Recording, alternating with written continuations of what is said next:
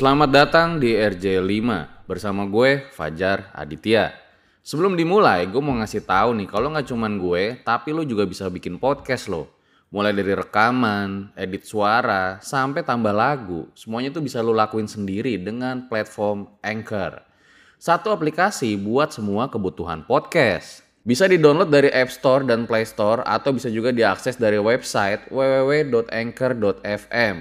Nggak cuma buat, tapi lo bisa langsung share dan publish hasil rekaman lo ke Apple Podcast, Spotify, Stitcher, dan lain-lain dari Anchor ini. Yang paling penting, Anchor ini gratis.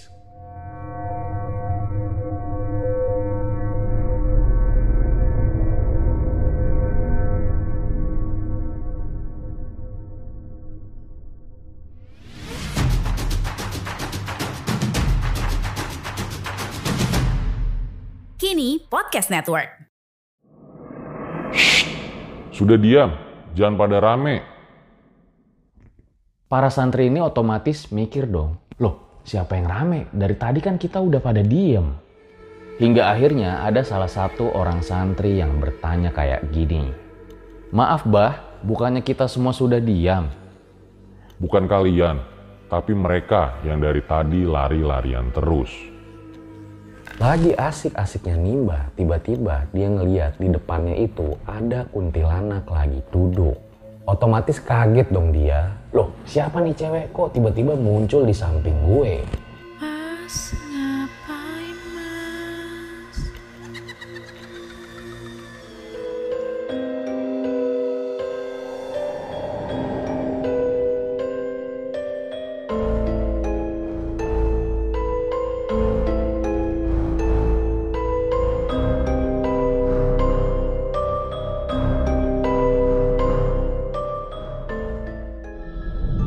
Kembali lagi bersama gue Fajar Ditya. Kali ini di Omamat Season 2.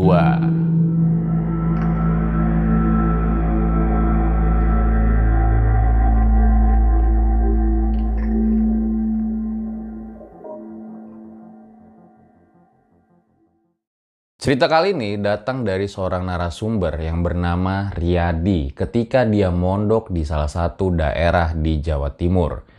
Ceritanya sendiri dikirim sama kontributor kita yang menurut gua Wah, gila sih. di mana katanya yang ada di pondok ini bukan hanya manusia aja yang jadi santrinya. Loh, kok bisa?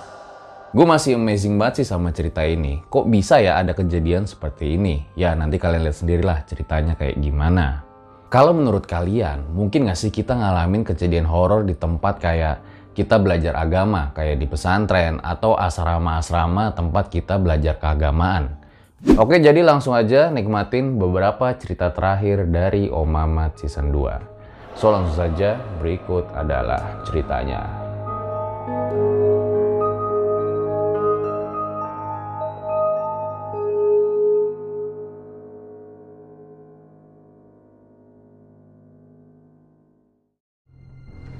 yang tidak terlihat bukan berarti tidak ada.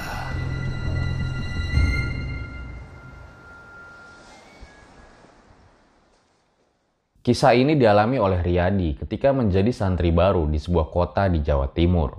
Saat itu di tahun 2012, Riyadi ini memutuskan untuk pergi dari rumahnya di daerah Bekasi untuk ke pesantren guna menimba ilmu. Jadi supaya kalian tahu, biasanya para santri baru ini suka kumpul deket-deket tuh sering sama temen-temennya. Makanya nggak heran kalau belum lama mereka kenal, mereka itu udah kayak saudara sendiri sama temen-temennya. Waktu itu lagi liburan semester 1. Nah, Riyadi ini mulai merasakan ada kejanggalan ketika teman-teman sekamarnya ini emang lagi nggak ada. Ada yang lagi jalan-jalan, ada yang lagi pulang ke rumah, ya biasalah lagi libur panjang.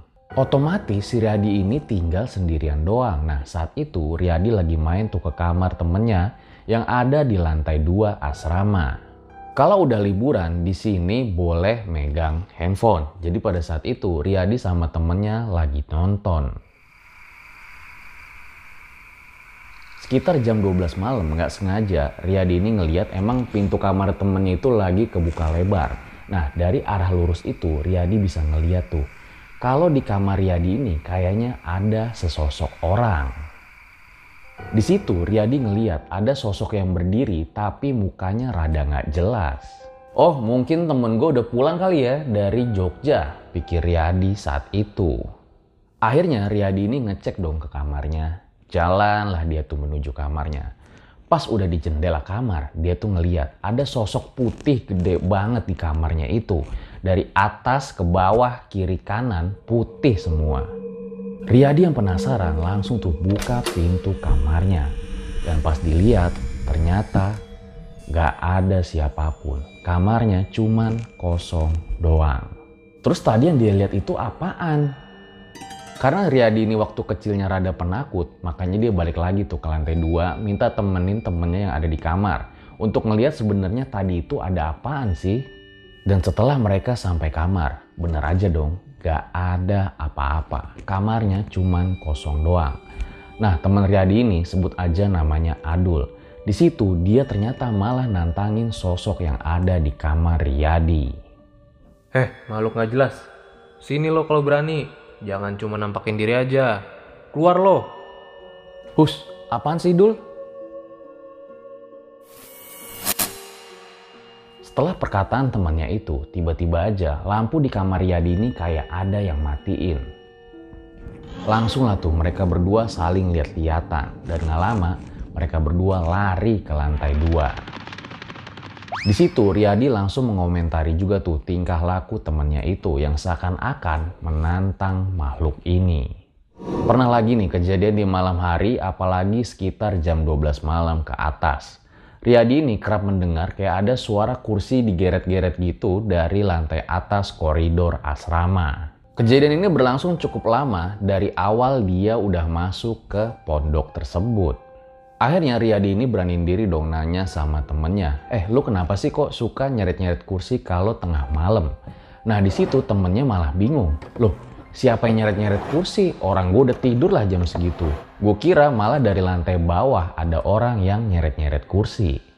Dan di situlah mereka mulai paham, kalau ada yang suka main kursi, seret menyeret di tengah malam, itu bukan dari manusia, melainkan dari penghuni tak kasat mata di sini. Kira-kira sebenarnya ada apa di tempat ini? Seperti biasa, rutinitas di pesantren itu kalau pagi sekolah dinia dan sehabis sore itu selepas sholat asar biasanya ngaji tafsir Jalalain dan setelah sholat maghrib biasanya ngaji Quran dan selepas isya biasanya musyawarah. Nah, kalau di pesantren ini, hari liburnya itu adalah hari Jumat. Suatu hari Riyadi ini ada kelas ngaji jalan lain. Jadi ini adalah kayak rutinitas gitulah tiap sore dan biasanya kalau udah hatam itu diulang lagi dari awal. Sebelum mulai, biasalah di kelas itu pada rame. Nah, pas Pak Kiainya masuk, barulah tuh mereka pada diem, sibuk maknain kitabnya. Otomatis mereka jadi diem dong. Nah, di sinilah mereka kaget ketika Pak Kiai tiba-tiba ngomong kayak gini. Sudah diam, jangan pada rame. Para santri ini otomatis mikir dong, loh siapa yang rame? Dari tadi kan kita udah pada diem. Hingga akhirnya ada salah satu orang santri yang bertanya kayak gini. Maaf bah, bukannya kita semua sudah diam? Bukan kalian, tapi mereka yang dari tadi lari-larian terus. Ternyata yang dilihat oleh Pak Kiai adalah jin yang di depannya lagi main lari-larian terus. Di situ para santri langsung tuh saling tatap satu sama lain. Nah, si Riyadi ini mikir, gila, kok berani-beraninya nih setan nampakin wujud pas lagi sore-sore kayak gini. Gak pagi, malam, siang, mereka berani tuh nampakin dirinya. Nah, karena kejadian ini pula lah, jadi para santri tuh saling bercerita satu sama lain. Beberapa santri juga pernah melihat Pak Kiai ini ngajar di kelas yang kosong. Katanya Pak Kiai ini lagi ngajar muridnya dari dunia lain. Nah, si Riyadi ini penasaran dong, kira-kira ada makhluk apa aja sih di pesantren ini? Nah, di sinilah temennya itu ngejelasin tentang santri gaib.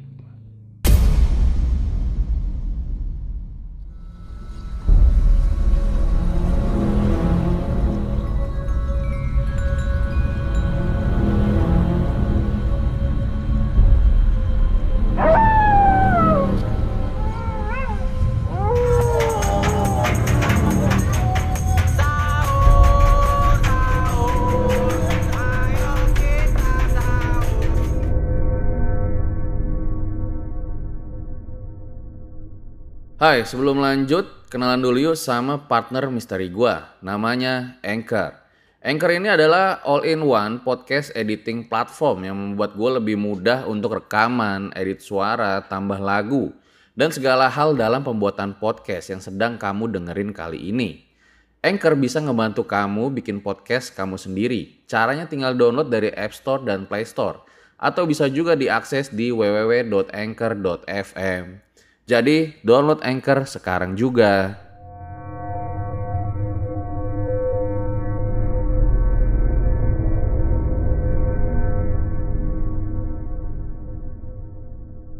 Jadi kegiatan santri ini sama kayak santri pada umumnya. Ada sekolah diniyah, ngaji, sama sholat juga.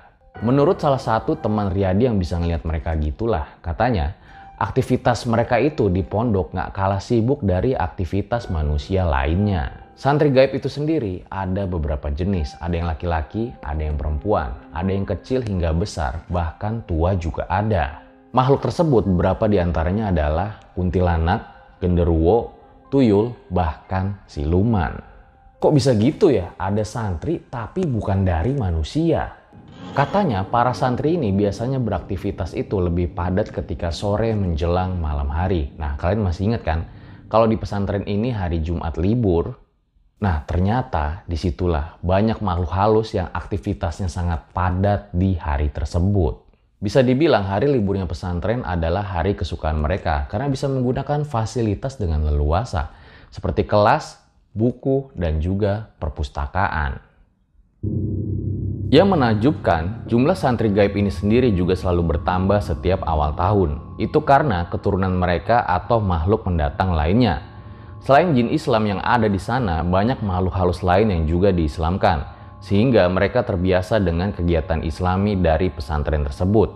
Nah, Riyadi sendiri baru pernah lihat satu sosok yang gak sengaja dilihat di kamarnya waktu itu, sedangkan yang lainnya belum.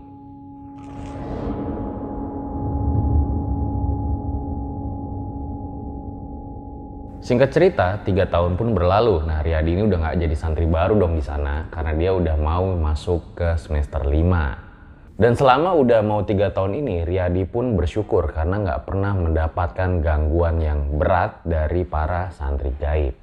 Mungkin karena Riyadi ini bukan tipe orang yang suka nantangin mereka. Jadi emang Riyadi ini orangnya tuh kayak grapiak atau mudah berbaur. Jadi nggak heran dia gampang banget dapet teman baru. Dan dari teman baru itulah dia dapat berbagai kisah di santri pesantren tersebut. Sampai suatu ketika dia mendengar ada satu kisah lucu sekaligus horor yang akan membuat merinding. Sebut aja nama temannya ini Budi. Jadi Budi ini santri juga di pesantren tersebut tapi bukan teman satu kamarnya Riyadi. Waktu itu sekitar jam 10 malam Budi ini lagi nimba air tuh di sumur tua. Nah Budi itu ngelakuin karena disuruh sama Ari, temannya. Loh kok mau aja disuruh? Ya karena emang air di kamar mandinya tuh pada habis jadi ya mau nggak mau harus nimba. Kebetulan juga tandon pengisi airnya juga udah habis. Jadi di samping kamar Riyadi ini kayak ada sumur tua gitu yang sebenarnya udah nggak digunain lagi. Tapi masih ada airnya dan airnya ini sangat jernih. Nah malam itu si Budi tuh nimba air di sumur sementara si Ari ini ngawasin dari kamar mandi jadi tahu tuh kapan batas airnya udah penuh. Lagi asik-asiknya nimba tiba-tiba dia ngeliat di depannya itu ada kuntilanak lagi duduk. Otomatis kaget dong dia. Loh siapa nih cewek kok tiba-tiba muncul di samping gue. Sempet tuh dia nggak bisa gerak selama beberapa detik. Mungkin karena Budi ini kaget atau saking takutnya. Nah, kuntilanak ini juga cuman diem doang tuh, duduk di atas sumur. Kuntinya ini memakai gaun dan rambutnya itu panjang dan wajahnya makin lama makin pucat. Mas, ngapain mas?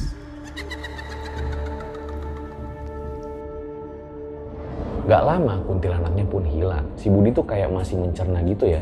Tadi tuh gue ngalamin apa sih sebenarnya? Halu apa bukan? Nah setelah dia sadar barulah tuh dia langsung ngibrit lari ke kamarnya. Si Ari yang ada di kamar mandi ditinggalin aja sendirian. Dan langsung lah tuh si Budi menceritakan apa yang dialami ke teman-temannya. Gak lama Ari ini nyusul datang ke kamar dan di situ dia juga kaget. Loh, kok si Budi udah ada di kamar. Jadi ini agak lucu juga ya kalau menurut si Ari. Jadi mereka tuh terus-terusan ngobrol ketika Budi ada di sumur tua. Mereka ngobrol terus sampai ketika Ari udah mau balik, dia masih ngeliat Budi tuh nimba air. Di situ Ari ngajakin Budi, ayo Bud, balik aja. Tapi kata si Budi, udah lu duluan aja.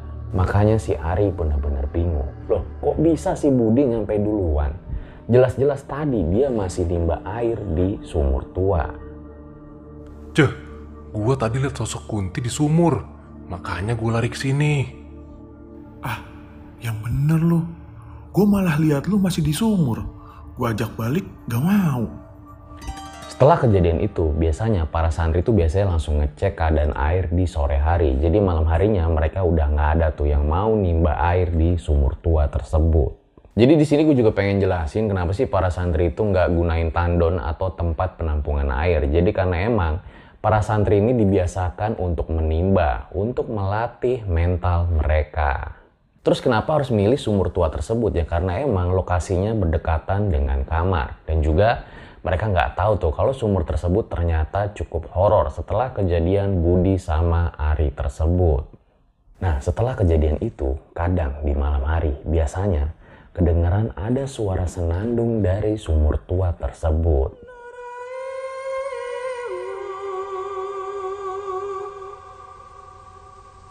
Biasanya juga kedengaran dari sumur tua itu suara orang menimba air, tapi karena acu nggak acu sama positive thinking aja lah, walaupun takut mereka tetap membiasakan diri. Pernah juga mereka menanyakan hal ini kepada Pak Kiai dan jawaban dari Pak Kiai adalah Mungkin aja penghuni di sumur tersebut adalah sosok yang jahil. Tapi meskipun jahil, mungkin mereka sudah tobat. Buktinya mereka mau menjadi santri di pesantren ini. Semenjak kejadian itu membuat mereka ini biasa aja kalau ada kejadian-kejadian di luar akal logika.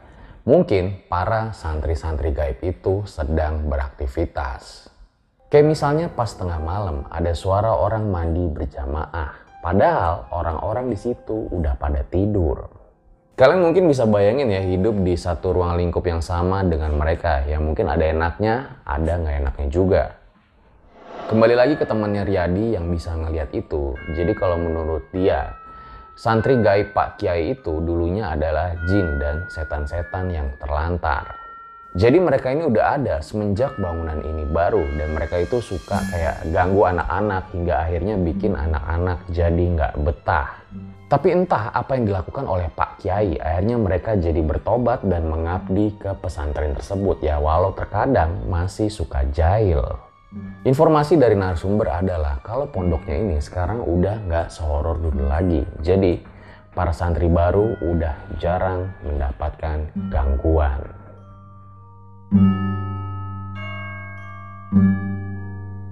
Bukan kalian, tapi mereka yang dari tadi lari-larian terus.